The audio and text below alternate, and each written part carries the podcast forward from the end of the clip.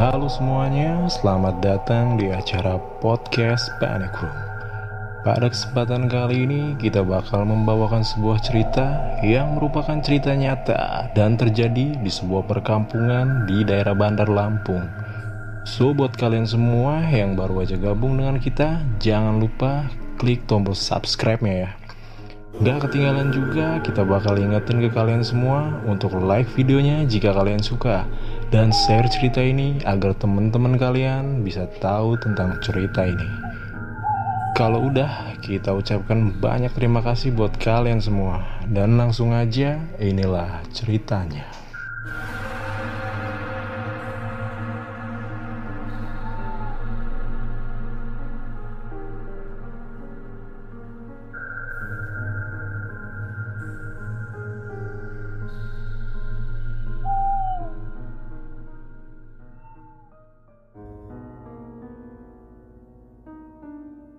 Ada ungkapan yang mengatakan bahwa dekat dengan agama membuatmu jauh dari kemungkaran.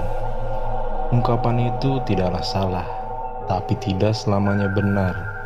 Seseorang yang dekat dengan agama tidak selamanya menjadi orang yang jauh dari kemungkaran.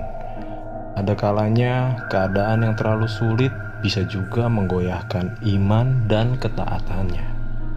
Seperti cerita kali ini yang akan kita bagikan. Cerita ini merupakan cerita nyata yang pernah terjadi di kampung tempat kakek dan nenekku dulu merawatku saat masih kecil. Oke, perkenalkan namaku Ipul.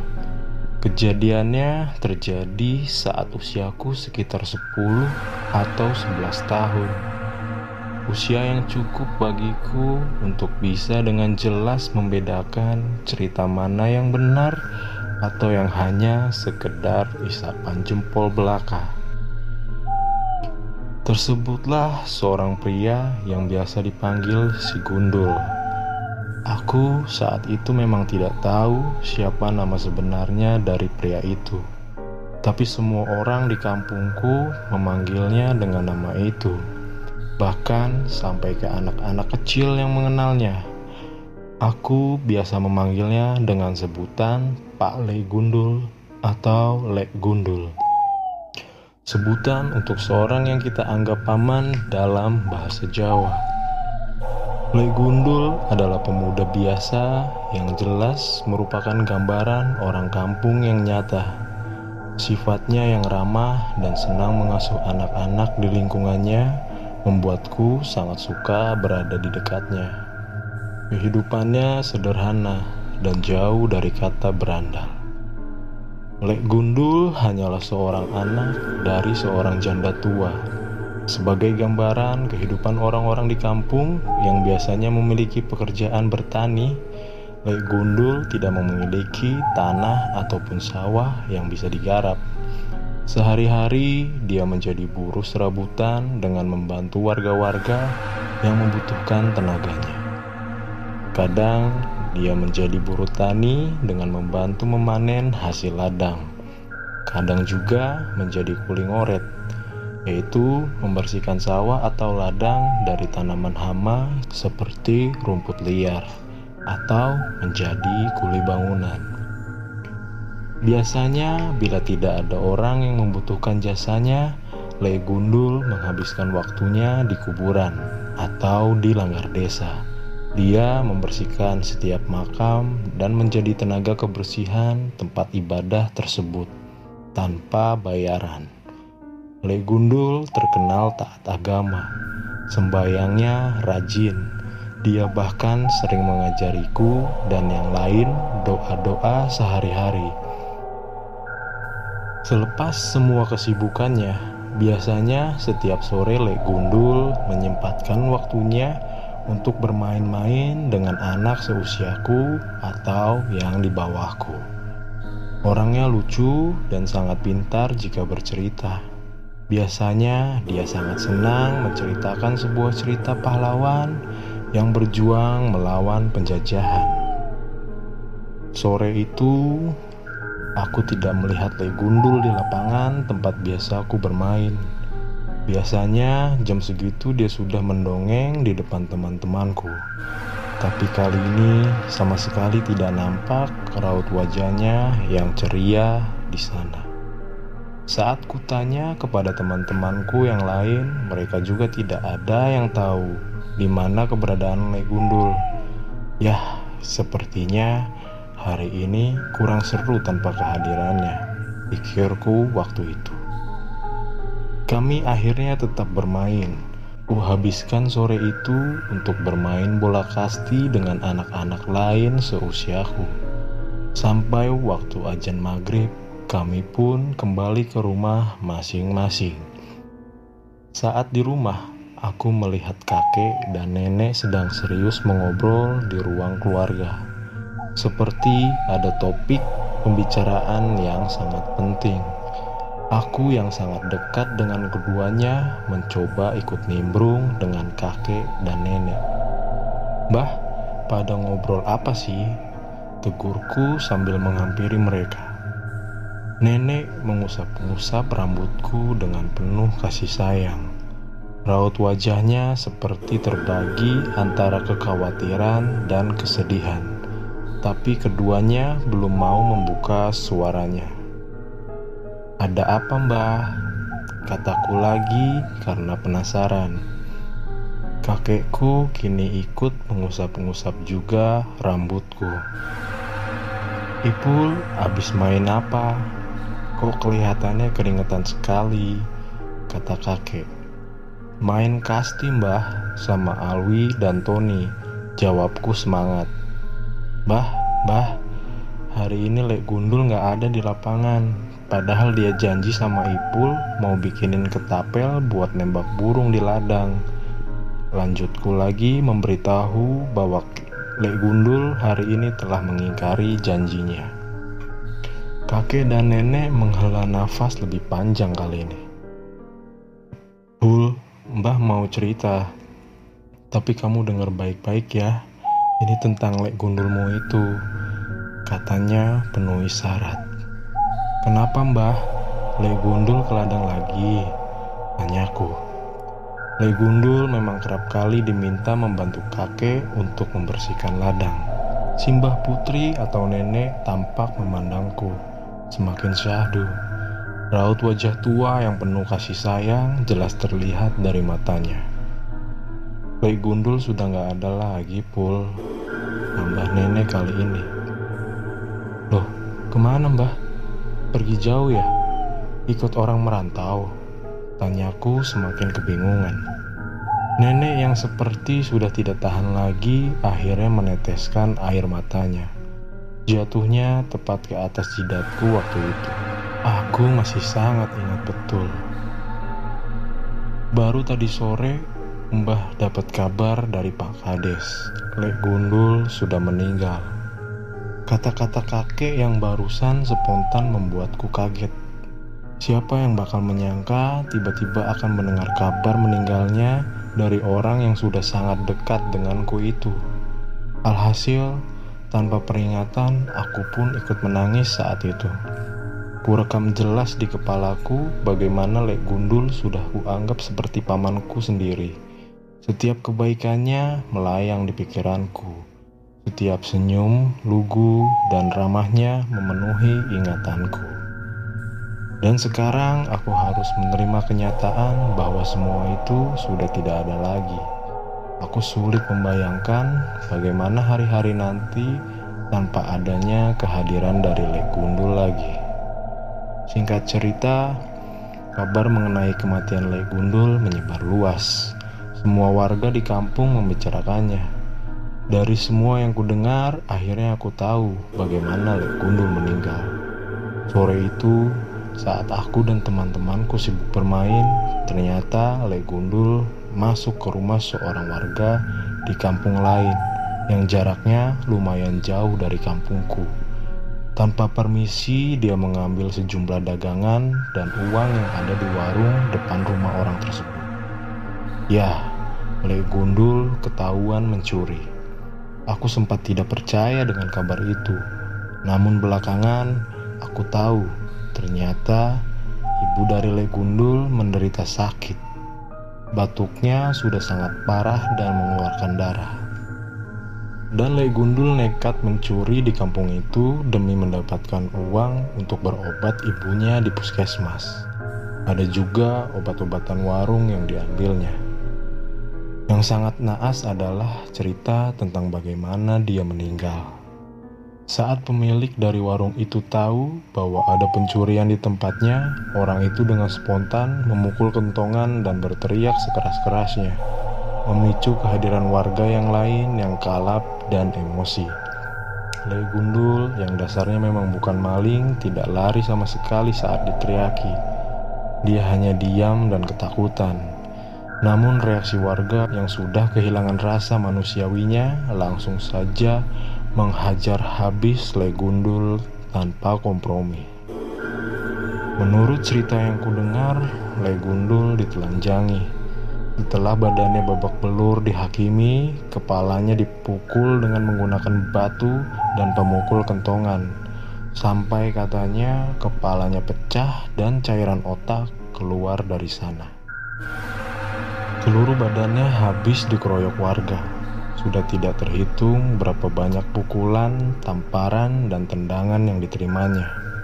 Biadabnya lagi setelah semua perlakuan itu, Le Gundul yang sudah kesakitan dan meregang nyawa, tubuhnya dilumuri dengan garam tumbuk hampir sekarung jumlahnya. Hal itu membuat tubuh yang sudah tidak berbentuk itu menggelepar liar lebih kesakitan lagi. Warga yang menyaksikan itu justru puas tertawa dengan segala kejadian tidak manusiawi itu. Sampai nafas Legundul yang terakhir, tangannya masih mengepal keras sebuah obat yang akan diberikan kepada ibunya. Juga uang sejumlah empat lembar lima ratusan. Ya, Legundul mati karena obat yang harganya tidak seberapa dan uang dua ribu rupiah. Sungguh kejam orang-orang itu. Belum puas dengan semua siksaan mereka, warga membawa mayat Gundul ke pemakaman kampung dengan kasar dan diarak-arak juga diseret-seret. Tubuhnya yang tak bernyawa lagi dimasukkan ke sebuah lubang yang asal saja dibuat di kuburan itu. Tanpa dikembalikan jasadnya ke keluarganya, tanpa dimandikan dan disolatkan. Aku sampai menangis saat mendengar semua cerita itu. Tibalah saat kejadian mengerikan setelah semua itu. Setelah malam kejadian itu, warga kampung mendapatkan teror yang aneh dan menyeramkan. Sehabis Isa, selalu saja ada orang yang mengetuk pintu-pintu rumah di kampung itu. Saat pintu dibuka, sosok hantu lek gundul berdiri di depannya dengan wujud wajah dan tubuh yang hancur dan basah bekas luka yang dilumuri garam. Hantu Lek Gundul mendatangi setiap rumah warga di kampung itu, membuat keadaan kampung menjadi sangat mencekam. Dalam penampakannya, hantu Lek Gundul selalu saja berbicara tentang dia yang kedinginan, minta dipakaikan baju. Warga yang sudah ketakutan dengan kehadirannya, ada yang pingsan, ada yang teriak keras ketakutan, ada yang berlari kabur dari rumahnya. Rentetan kejadian itu membuat kampung itu menjadi seperti kampung mati. Selepas Isya, mereka tidak berani lagi keluar rumah dan selalu mengabaikan ketukan pintu saat malam. Tidak peduli siapa yang bertamu, tidak akan dibukakan. Bahkan yang tidak kuat sampai pindah rumah atau mengungsi ke tempat saudaranya di luar kampung atau di luar kota. Lalu sampailah berita itu ke telinga kakekku. Kakekku adalah orang tua yang dianggap sepuh dan ada kemampuan. Mendengar semua cerita tentang kejadian itu membuat kakekku miris dan sedih.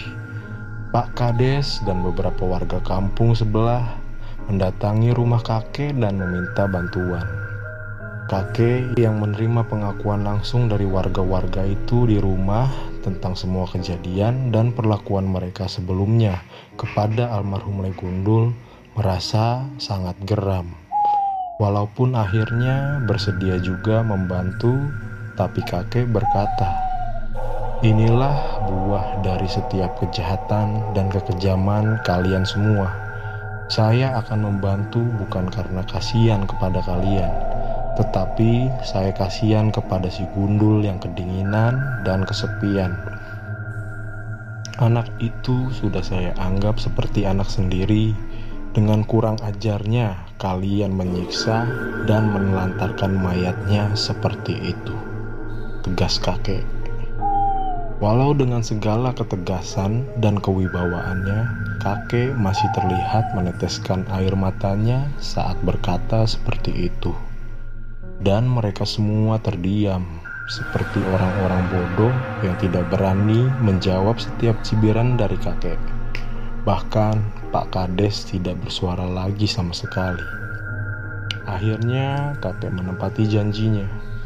Kakek akan membantu mereka dengan cara akan berdiam di rumah-rumah warga yang dia mau saat malam. Berharap akan bertemu langsung dengan hantu Lekundul. Satu hari, dua hari, tiga hari, hasilnya masih nihil. Rumah-rumah yang didiami kakek tidak mendapatkan teror dari hantu Lek Gundul.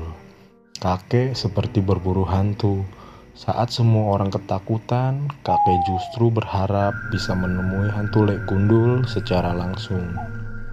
Dan di hari keempat, atas izin Allah dan semua usaha yang dilakukan, akhirnya kakek bertemu langsung dengan hantu Lek Gundul.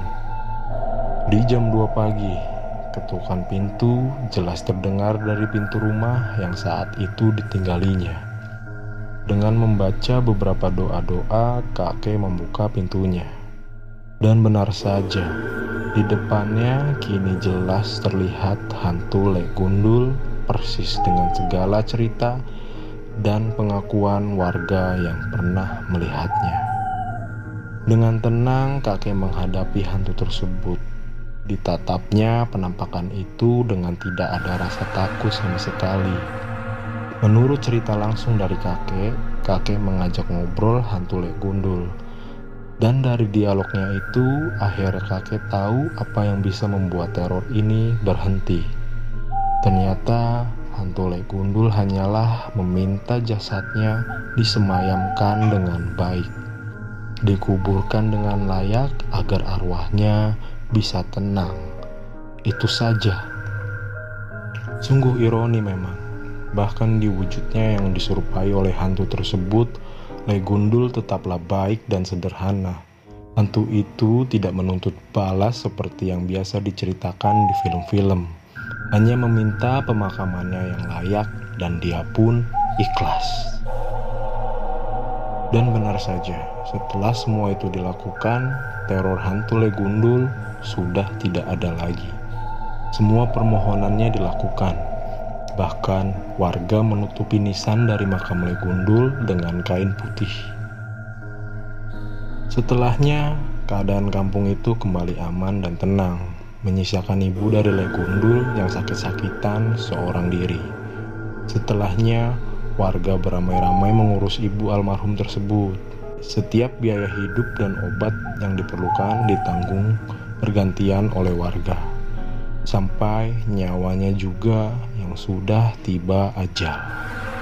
Jenazah dari Ibu Legundul ditempatkan persis di sebelah makam Legundul.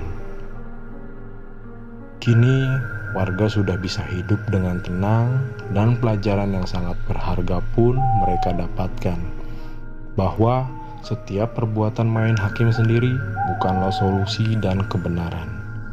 Setiap kesalahan ada hukumnya dan bukan kita yang berhak menghukumnya dengan sewenang-wenang. Sampai hari ini makam keduanya masih ada dan masih suka diziarahi oleh orang-orang menyisakan ingatan sedihku mengenang almarhum Lek Gundul. Orang yang baik budinya tapi harus menerima hukuman yang tidak layak akibat sedikit saja kelalaiannya. Oke, itulah cerita dari hantu si Gundul. Cerita ini sudah diangkat ke sebuah grup horor di Facebook dan mendapatkan feedback yang positif. Semoga kalian suka. Jika suka video ini, silahkan klik tombol like dan juga share kembali video ini kepada teman-teman kalian semua dan mari kita merinding bersama.